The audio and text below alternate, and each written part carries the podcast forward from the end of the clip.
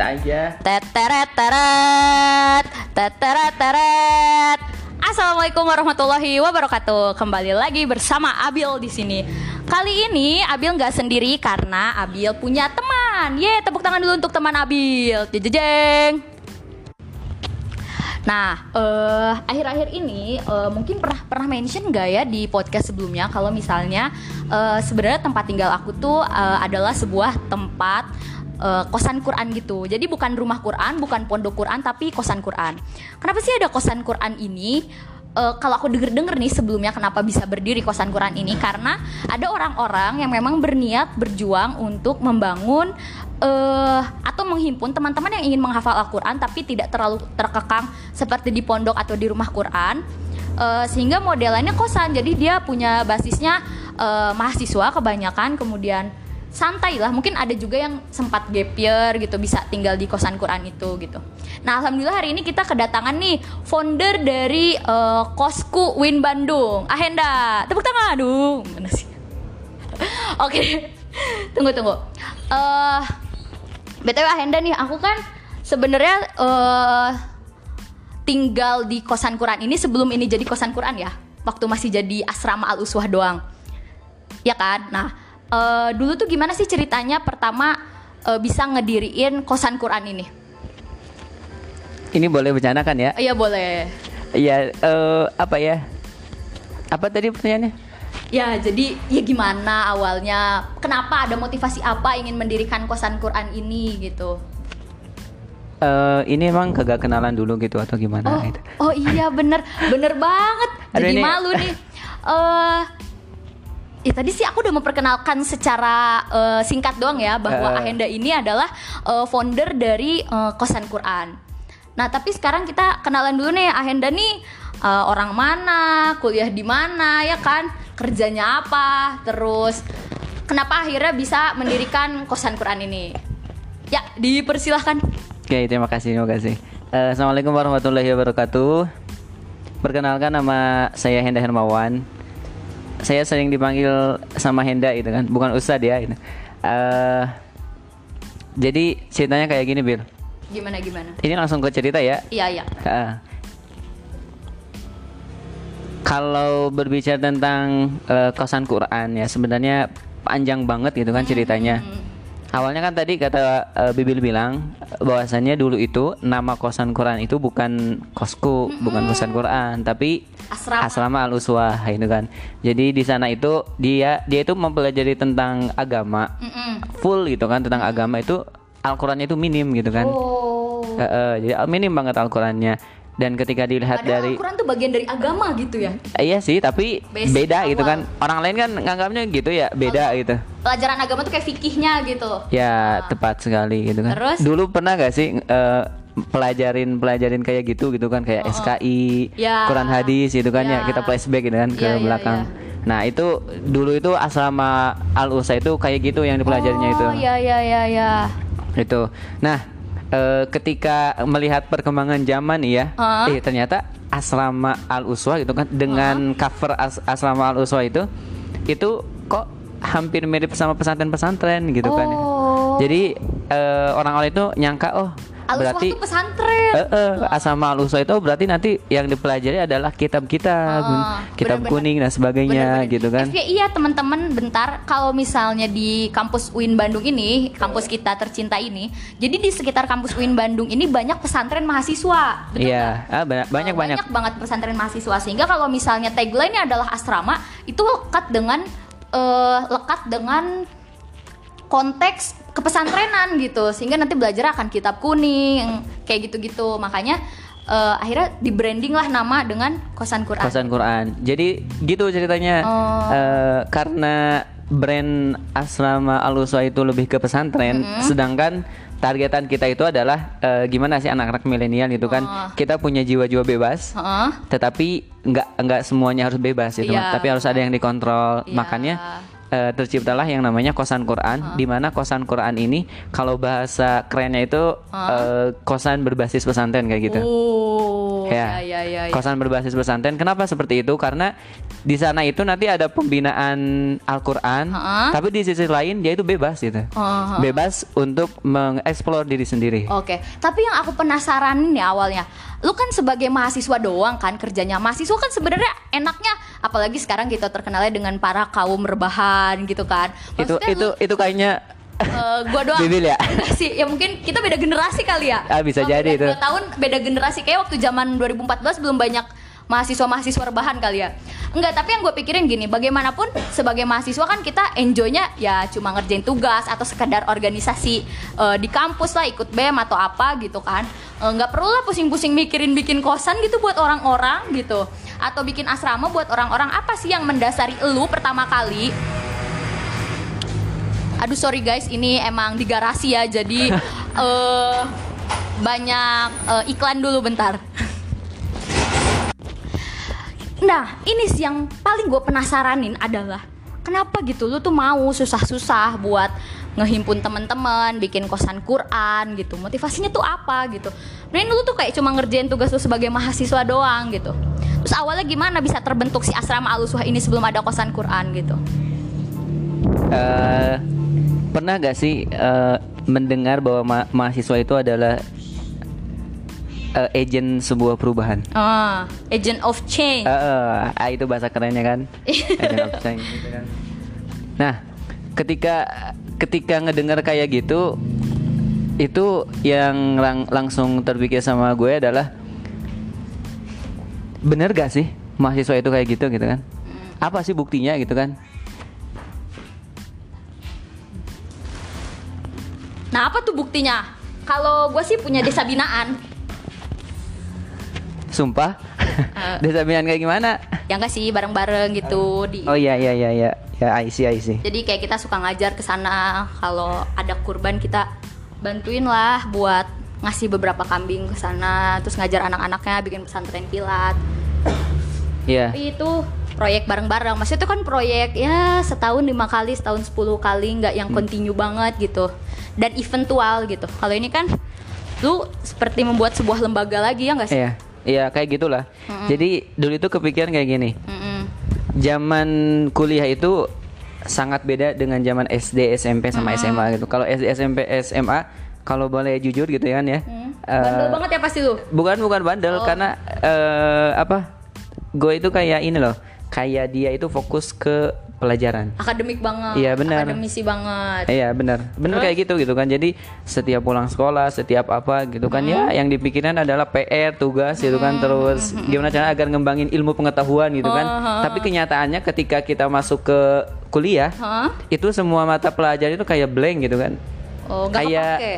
nggak kayak ini apa kayak mengulang dari awal lagi gitu kan. Yang ke yang kepake itu palingan kayak eh, perkalian, pertambahan, kemudian bahasa Inggris dan sebagainya Ya, gitu kan ya, ya. ya, ya. Kalau gue kan dari kimia nih ya. Ah. Nah, ketika pelajaran di kimia itu ternyata pelajaran yang SMA itu nggak terlalu banyak. agak eh, eh, agak lupa lupa lupa gitu kan ya. Karena banyak liburnya kali sebelum masuk. Iya bisa jadi itu Ya, juga terus, sih. Terus.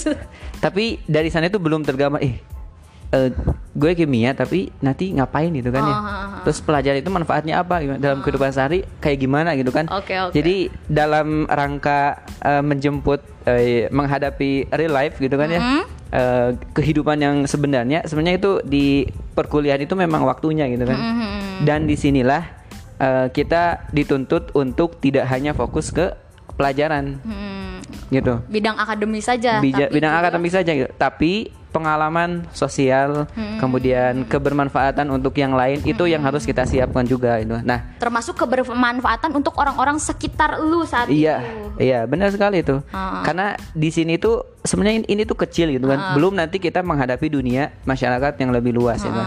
Kalau kita hanya diem kemudian ngerjain tugas kemudian bergadang gitu kan sampai ngerjain pernah gak sih gitu Iya, Sampai jam dua. tugas doang gitu. iya itu eh, kemudian malam-malam bangun gitu Eh, kalau yang lain lanjut. Iya, mending kalau gitu. Iya, nah dari sanalah kepikiran bahwasannya eh, kalau hidup terus kayak gini gitu kan, ini pasti nggak nggak nggak akan ada perubahan-perubahan gitu. Iya. Nah makanya dari sana eh dulu kan eh, saya tuh tinggalnya tuh di asrama juga, Oh. di asrama bahasa Inggris dulu itu. Oh. Jadi eh, dari sanalah terbentuk oh gimana nih kalau kita buat eh, sebuah eh, rumusan baru Heeh. di sana itu ada kosan Heeh. tapi kosannya itu benar-benar lingkungannya baik gitu Eh, nah dari sanalah eh, akhirnya terpikirkan oh gimana kalau buat yang namanya eh, kosan tapi berbasis pesantren Mm-mm. akhirnya disebutlah dengan kosan Quran apalagi gini ya eh, khusus untuk mahasiswa UIN atau mahasiswa yang berbasis keagamaan Ya ya. itu kalau kita lihat baca-baca eh, cita-cita dari para petinggi-petinggi gitu kan ya Heeh. Nah, petinggi-petinggi kampus itu salah satunya adalah gimana caranya agar lingkungan yang di sekitar itu kosan tapi ada pembelajaran agamanya jadi kosan berbasis Quran Oke. nah dari eh, ide-ide yang Ini tuh maksudnya kayak rektor gitu ya Iya. mengharapkan juga emang punya gitu. Maksudnya Mm-mm. petinggi-petinggi kampus tuh kayak rektor, dekan. iya kayak gitu gitulah ya. Heeh. Iya sih emang mereka tuh menginginkan bahwa kita tuh bermanfaat buat orang-orang sekitar kampus ya nggak Iya, orang-orang sekitar kampus dan kita sendiri pun dapat membina diri kita gitu untuk jadi lebih baik. bener Nah, jadi Ke- itu yang mengawali langkah lu akhirnya membuat eh, kosan Quran ini. Iya, kosan Quran gitu kan. Jadi pengen bener-bener ih pengen jadi anak UIN yang sesungguhnya gitu. Weh, Oh, iya. anak UIN yang sesungguhnya Universitas benar. Islam bro Nah, tapi masalahnya gimana cara lu membuat sebuah Avengers team untuk eh, membuat kosan ini karena kan gak mudah mengawalinya dulu dengan bikin asrama ngajak orang tinggal bareng aja belum tentu semua orang percaya kan Iya. siapa juga lu gitu Kalau di kita namanya itu adalah X-Men.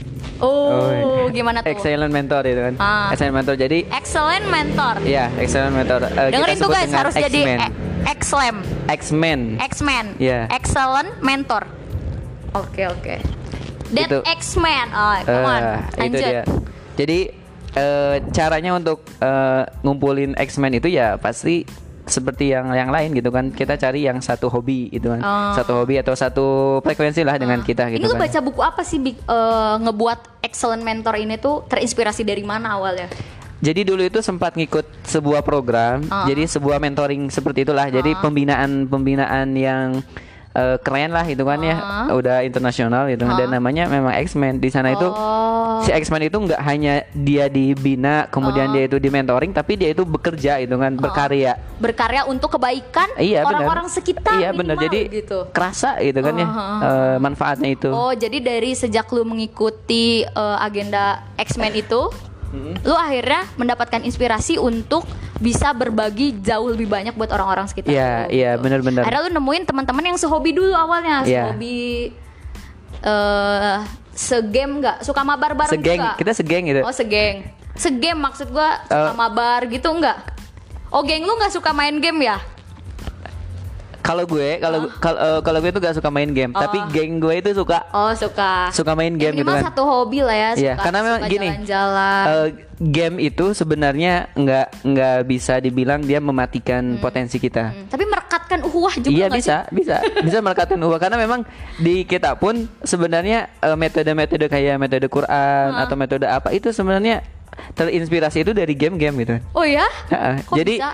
Kayak eh, ngafalin Quran, kita bisa sebut dia sebagai mabar gitu kan. Eh kita main bareng ya gitu kan. Oh, iya, benar-benar. segala macam gitu kan. Iya iya, keren juga sih keren. Iya, karena memang kalau kita lepas dari dunia yang kekinian kayak gitu, Hah? ya udah kita bakalan terpental gitu kan. Iya benar-benar. Gak akan bisa memberikan manfaat yang jauh lebih banyak juga kalau Iya. misalnya kita nggak paham. Oke. Jadi di di kosan Quran ini nggak hanya dia ngafalin Quran, kemudian Hmm. dia fokus ke eh, kalau bahasa ininya ke agama gitu kan ya, diem dan sebagainya gitu. Tapi, Hmm. Tapi kita enggak. melek gitu kan. Iya benar melek benar. zaman. Justru kita mencoba untuk ngasih manfaat dengan membuka karantina karantina lagi, membuka kelas-kelas pendek gitu. Eh, ini boleh promosi gak? Boleh, boleh banget nih kebetulan di sini banget tempatnya. Iya, jadi tadi ngomong-ngomong tentang karantina. Ah iya. eh, jadi di kita pun sebenarnya Uh-uh. eh, kan di kita itu sekarang ada informasi ya, Iya. sedikit informasi. Kosanku itu sekarang ada empat kosan. Oh, jadi dari awal lu ngerintis cuma satu asrama sampai sekarang udah jadi empat. Ah iya betul sekali. Alhamdulillah banget. Awalnya kosannya ini asrama ini cuma cowok-cowok doang kan ya? Iya. Cowok-cowok Awalnya itu cowok gitu kan, kumpulan-kumpulan cowok-cowok Oh. yang gimana sih Iya, gitu kan. Ya gitu. itulah. Yang gabut-gabut eh enggak enggak. Yang Iya, sama-sama gabut sih. ingin berpartisipasi untuk memberikan manfaat, ya enggak? Ya benar gitu. sekali. Terus baru bikin asrama gua tuh, gua join di situ. Nah, itu asrama gua. asrama lo itu yang kedua. Iya kedua. Terus tahun berikutnya kita langsung nambah dua lagi. dua ya? lagi. Jadi sekarang ada empat. Ada Jadi empat. sekarang tahun ketiga kosanku itu berdiri dan Ada empat dan juga Empat. ada ada ini apa namanya? Bukan relatif sih, apa namanya? apa itu? Apa sih? Kayak kerjasama gitu. Heeh, relasi. apa itu relasi kan kerjasama itu? Ya kayak relasi relasi kosan lainnya gitu. Jadi kosan yang memang udah punya nama kosan sendiri. Iya benar. eh, dia kerjasama sama kita. Kita naro ada musyrifahnya atau musyrifnya eh, atau orang yang nerima setoran Al-Qur'annya. Iya. Eh, kemudian kadang kita mengadakan acara bersama seperti mabit Hah? atau ada SBQ ya sehari bersama Iya. Quran. Kayak Jadi gitu-gitu. kalau bicara tentang itu, kita pun itu seben- sebenarnya visi dari kita itu adalah Hah? menjadi eh, apa ya? Menjadi unsur peubah. Eh, menjadi unsur peubah karena memang kayak gini eh, kosan yang zaman-zaman sekarang itu udah sedikit eh, harus diperbaharui gitu kan Iya, ya bener, karena bener. kalau selamanya kosan itu ya kayak gitu kemudian Aha. tempat tinggal gitu kan lo ngerjain tugas kemudian eh, apa main game segala macam itu kayak kayak apa gitu kan ya kayak udah zaman-zaman eh, dulu-dulu gitu kan ya. Ah, ah, ah. Nah, sekarang harus ada inovasi gitu kan ya. Dan bagi teman-teman yang belum bergabung di kosan Quran Oh, dan bu. dia oh ya gimana? dan dia itu punya kosan gitu kan. Oh, ini kosannya tapi dia itu belum belum masuk kosan Quran Oh, gitu kan ya. mungkin dia udah bayar setahun ke depan Iya, gitu kan sehingga uh-uh. nggak bisa lepas. Dia bisa nih langsung ngontak eh, Ahenda buat minta eh, musyrifah ditempatkan di situ Iya, atau betul ikut sekali. pengajian tahsin kita atau Iya. ikut eh, pengajian tahfiz kita Iya, setoran. benar. Dan kebetulan banget balik lagi nih ke karantina Hmm. gimana? Ya, Nah. untuk karantina ini jadi eh, spesial untuk anak Uin Wih, dan anak Uin. yang lainnya juga boleh sih. Iya, untuk umum Tapi yang juga. spesialnya Uin. Nah, Soalnya kita masih libur guys sampai Iya. Maret. Kebayang gak sih kalau kita ngadain karantina di hari libur itu bakalan Iya. ada yang daftar? Ya semoga aja sih ada. Iya, Soalnya semoga ya. kalau Angkatan gue apalagi sekarang, eh, menurut gue ini prospek banget nih buat anak UIN karena kalau jana- jadi anak UIN ini sebelum lulus Harus? dari kampus harus nyetor satu Ah. jus dulu. Ini minimal ya satu Itu jus. minimal banget satu jus. Nah, eh, persyaratan untuk kompre, ujian kompre itu kita harus nyetor Ya, satu jus. satu jus itu. Itu minimal. Kalau jurusan lain ada juga yang wajibnya tiga jus. Ah. Sehingga teman-teman gue nih, apalagi gue kan sekarang masuk semester 8 Orang-orang pada baru banyak Ngapalin UP, gitu kan? Ujian proposal. Heeh. Setelah itu kan pasti mereka pengen kompre kan? Iya. Tapi syarat kompre ini nggak bisa kalau belum nyetor satu jus. Benar sekali. Dan Jadi pas banget sih kalau kita buka sekarang pas lagi libur, orang-orang lagi sibuk sambil bimbingan UP, bisa juga seminggu mereka ngafalin ikut program kita one week one jus. ya one week one jus. Benar. Gue yang promosi banget. anyway kita harus banyak ya dapat pelajaran dari Ahenda yang mau jadi founder kosan Quran ini. Eh, terus gimana lagi nih karantina itu ada apa aja? Gini, di karantina ini kenapa dilaksanakan ketika hari libur? Karena pas waktu hari-hari sibuk-sibuk kuliah itu pasti Hmm. Wah. sibuk gitu. Udah itu hektik banget, belum praktik. Oh, iya bener. Bra. apalagi anak-anak sains kayak Oh. eh, bener. Makanya eh, mudah-mudahan dengan diadakannya karantina Di libur ini. liburan ini gitu kan, teman-teman meluangkan waktu yang tadinya liburan itu berapa bulan? Eh, dua bulan. Dua bulan setengah, ya? Bahkan hampir tiga bulanan gitu. Iya bener kan, dua bulan lebih gitu kan Iya. ya. Dan kita ambil itu cuma satu pekan. Satu pekan doang Iya, guys. satu Dan- pekan dari waktu liburan, jatah iya, liburan dan kita. bayangin dong, biayanya murah banget. Ya, insya Allah murah karena disesuaikan dengan budget juga pak. Iya, budget bener. mahasiswa UIN. Budget mahasiswa. Ah. jadi selama satu pekan ini kita dapat eh, pembelajaran, kemudian kita juga punya, punya target untuk hafal satu juz. Uh-uh. Kemudian bagi teman-teman yang nggak bisa atau belum lancar eh, baca Quran di sana nanti akan disediakan. Jadi kayak belajar Quran dari nol gitu kan. Wah mantep banget sih. Ah, benar gitu kan. Banget. Nanti dibimbing oleh para muslim musrif. Heeh. Mm. Dan harganya itu eh, itu untuk satu pekan ini Hah? kayak nyewa hotel gitu, Dua ratus ribu ya. Dua ratus ribu doang seminggu. Iya, Dan 200 seminggu. fasilitasnya sama makan ya. Makan juga. Makan dua kali sehari. Iya benar Gila makan. Sih mantep. Kenapa ya? Karena eh, kita tahu lah gitu kan. Kita sebagai mahasiswa itu pasti eh, ngirit-ngirit lah untuk Iya, sesuatu gitu. bener, Makanya bener banget. dalam satu pekan kemudian eh, kita ngadain karantina ya 200 itu udah cukup gitu. Wah, itu Yang penting bisa makan, makan gitu. ya nggak sih? Seminggu biaya makan. Iya benar. Gitu. Oke, eh, terus selain itu tuh, selain buat kita eh, oprek buat karantinanya, kita oprek buat apa lagi sih? eh, panitianya kita mau juga nggak sih buat orang-orang kita membuka peluang eh, ladang pahala sebesar mungkin. Ya itu sangat ini sangat terbuka kita itu. Hmm. Sangat terbuka. Ada temen yang mau bantu atau mau nyumbang eh Makanan makanan boleh. Maksudnya, makanan minuman atau oh, apa pun itu gitu kan. Tiap Senin sama Kamis saya buat buka puasanya Iya. mau nyumbang puding teh atau kita mau nyumbang buat para penghafal Al-Qur'an. Iya, kan benar, benar, benar. Boleh banget dibuka banget, boleh kontak gua atau Ahenda. Iya bener dan dari sana itu kepikiran gini eh di UIN itu kan belum ada kayak lembaga zakat, infak, sodakoh gitu kan Nah, ya. iya, bener Nah banget. dari kita itu mudah-mudahan bisa merintis ke sana. Eh, tapi ada cuy, gua tahu di eh, manajemen dakwah ada UPZ namanya. Ada UPZ. Jadi unit pengembangan zakat. Ada. Iya, ada, ada, Bisa ada. juga tadi banding dulu ke mereka. Bisa tuh gabung gitu kan Gabung, ya. Ah, boleh kita nanti ngobrol-ngobrol. Keren sih. bisa itu. Ah, ah, ah, ah. Nah, eh, oke mungkin eh, dari gua gitu dulu. Terus akhirnya ada ini nggak apa ya? Kayak closing statement lah soal kosan Quran ini harapan ke depannya kayak gimana. Sekarang kan kita baru ngerintis sebenarnya kosan Quran ini setahun lah ya. Ya. Baru setahunan gitu. Gue juga sebenarnya bukan wah kucingnya mau ikut podcast guys boleh. Coba men. Oh, saya lagi. Tapi tapi eh Oke. eh, gue gue boleh, boleh ini nggak boleh, Boleh, boleh. menyimpulkan Iya, tentang boleh, boleh. kosan kosan keseluruhan. Boleh boleh boleh.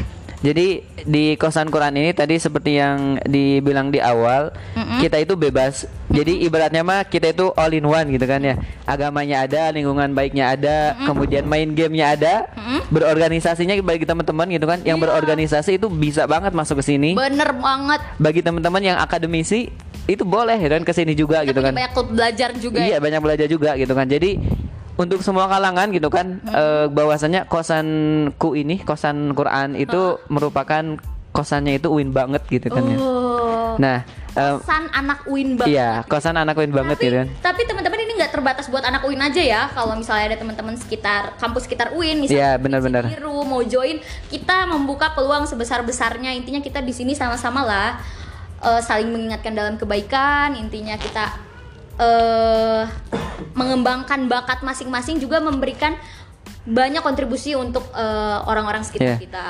bareng-bareng gitu. Dan juga di bulan ini nih Ah. di bulan ini kita membuka eh, membuka oprek juga. Oprek apa tuh? Oprek bagi teman-teman yang ingin gabung di kosan Quran. Oh, ini Ahwat Iwan nih, cewek cowok. Iya, cewek cowok. Eh, cewek cowok gitu kan jadi untuk cewek atau cowok yang pengen gabung di kita kosan itu sa- mangga banget gitu kan Heeh. dan itu untuk biayanya per bulan per bulan. ya Bebas nih. bebas Per bulan. Heeh, per bulan Tahun. bukan Gak ada MOU MOU-an. nggak ada Wah, mantep banget. Ya. Gimana cara joinnya nih? tinggal hubungin lo aja gampang Oh gitu. Hubungin gua, boleh, boleh. nanti di sini ada keterangan kan Oh iya, ada ada. ya Ada nanti bisa Nanti ada Instagram kosan Quran, ada CP-CP yang bisa dihubungin. Anyway, eh, karena dari tadi kita udah bahas kosan Quran dari sana ke sini, terakhir nih, eh belum jawab nih dari tadi sebenarnya harapan ke depannya tuh gimana? Kan tadi mah promosi keadaan sekarang dan apa yang sedang kita lakukan kegiatan sekarang-sekarang ini. Sekarang tujuan besar eh, seorang ahenda untuk membuat eh, membuat kosan Quran ini gimana? kalau tujuan itu tercantum di visi sebenarnya Mm-mm. jadi ke depannya itu kita pengen eh, semua kosan di UIN itu berbasis kosan Quran Uh. Gitu Iya beneran itu. Semua kosan Quran itu berbasis semua kosan di UIN itu berbasis kosan Quran. Iya. Jadi dia itu tidak mengekang, Hah? tetapi dia itu mempunyai eh, kebebasan untuk mengeksplor diri sendiri. Iya sih, bener banget. Gitu. Dan- Tapi eh, buat gue pribadi yang pernah tinggal di rumah Quran, juga pernah pesantren, bukan pesantren Quran sih, tapi intinya pernah ngafal Quran juga gitu. Iya. Dulu-dulu gue sebenarnya punya eh, banyak ketakutan untuk menghafal Al-Quran 30 juz. Oh iya benar benar Ah, benar benar. Kayak kayak kan- banyak gitu kan ya. Bukan ketakutan ngafal banyaknya sih, tapi lebih kepada takut nggak bisa ngejaga gitu. Oh iya, itu udah level berapa ya? Enggak sih, tapi gini maksud gua Dulu kan kayak motivasi orang-orang kayak eh Gue pengen ngafal Quran biar bisa ngasih mahkota untuk orang tua Terlepas apa pun motivasinya eh Awalnya gue sempat takut sih buat eh, apa ya Buat ngafal Quran beneran takut Hmm. Tapi eh, pas akhir-akhir ini, bukan akhir-akhir ini Sejak tahun 2016 lah gue mulai berkontemplasi ternyata bahasa Al-Qur'an tuh memang bahasa petunjuk gitu, bahasanya Tuhan, bahasanya kalau kita bisa ngerasain nih jarak antara kita sama Tuhan gitu, betapa besarnya so Allah dan betapa kecilnya kita, kita kan bisa merasakan uh, betapa besarnya perkataan kita sama perkataan Allah gitu.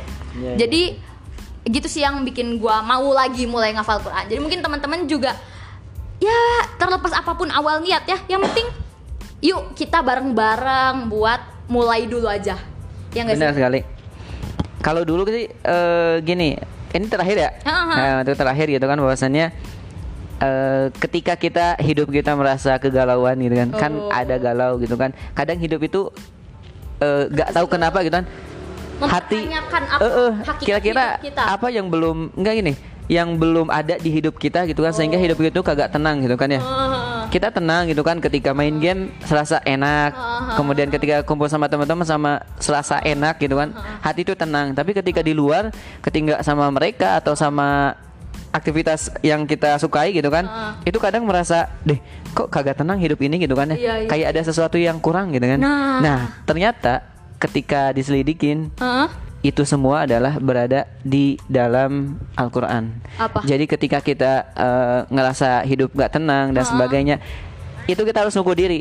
Kira-kira kita sehari ini udah baca Quran belum gitu kan? Dan sebagainya gitu kan? Iya, iya, iya. Jadi karena Quran itu ibaratnya itu fazil pak, bu gitu kan? Oh. Eh, fazil itu. Jadi ketika Puzzle. Iya karena tanpa Al-Quran itu kita nggak bakalan sempurna. Jadi kita nggak bakalan menyelesaikan eh, permainan fazil itu secara benar gitu. Oh. Gitu. Jadi Ibaratnya pasti akan ada puzzle yang hilang ketika kita Benar sekali. deket gitu Iya. kan sama Al-Quran. Benar, benar, Logikanya sih gini aja sih, Al-Quran tuh udah jelas petunjuk. Kalau misalnya kita cuma sholat atau baca Quran tanpa memahami apa arti petunjuk itu, tanpa benar-benar mempelajari itu, eh, yang nggak akan masuk juga ke hati kita. Tapi sebenarnya bukan berarti dengan kita pertama ngafal Quran kita juga maksa buat memahami artinya, buat mempelajari tafsirnya. Karena ada tahapan-tahapannya nggak sih Iya, dalam iya, iya. mempelajari Al-Quran. Awalnya tuh kita perbaikan bacaan dulu, ya nggak? Benar, Terus Yang benar. kedua tuh apa? Ngafal ya. ngafalin. Heeh, setelah bacaan bagus kita rajin bacanya, kemudian kita ngafalin. Kemudian ketiga tuh mentadaburi ya langsung. Iya, Mentadaburi. Kemudian yang keempat itu mengamalkan. langsung mengamalkan ya. Bukan ada tujuh ya. ya intinya Tapi yang paling penting ada tadi ngamalin. memahami eh, kita mengamalkan apa yang eh, disebutkan di dalam Al-Qur'an. Nah, itu mungkin akan menjadi eh, apa ya? relatable paling akut deh gitu buat eh, ngelakuin kejadian sehari-hari gitu, buat ngelakuin kegiatan sehari-hari. Karena sebenarnya Closing aja. karena intinya setelah eh, kita mencoba untuk memahami tahapan-tahapan itu eh, ya gitu sih akhirnya lebih kerasa aja gitu bahwa esensi menghafal Al-Quran adalah berinteraksi dengan Allah gitu. Ketika kita sholat kita membaca surat yang kita hafal dan kita tahu artinya itu kan jadi jauh lebih nikmat dibanding kita Iya. sholat tanpa eh, memahami apa yang kita baca atau Ha-ha. sekedar cepet-cepet doang atau sekedar menunaikan doang gitu Iya, jadi kayak gini. Ada satu ini ketika ketika gue ngisi kajian ya. Ah, Ngisi iya, iya, kajian. Kajian Kajian, ini, bro. ini kajian ini, Pak. Kajian kajian anak-anak kekinian itu. oh kajian anak-anak Jadi kekinian. dulu ada yang eh, sempat bertanya kayak gini. Gimana? Eh, Kang katanya, kalau cowok yang romantis itu kayak gimana sih? Gitu. Oh, cowok yang romantis. Iya, cowok Oh, yang romantis itu kayak gimana sih? yang gitu kan? selalu beliin baju buat ceweknya eh enggak. Materialistis. itu, mah- itu mah itu makanya. gimana gimana? Jadi di sana itu Pegang. eh, jawabannya kayak gini.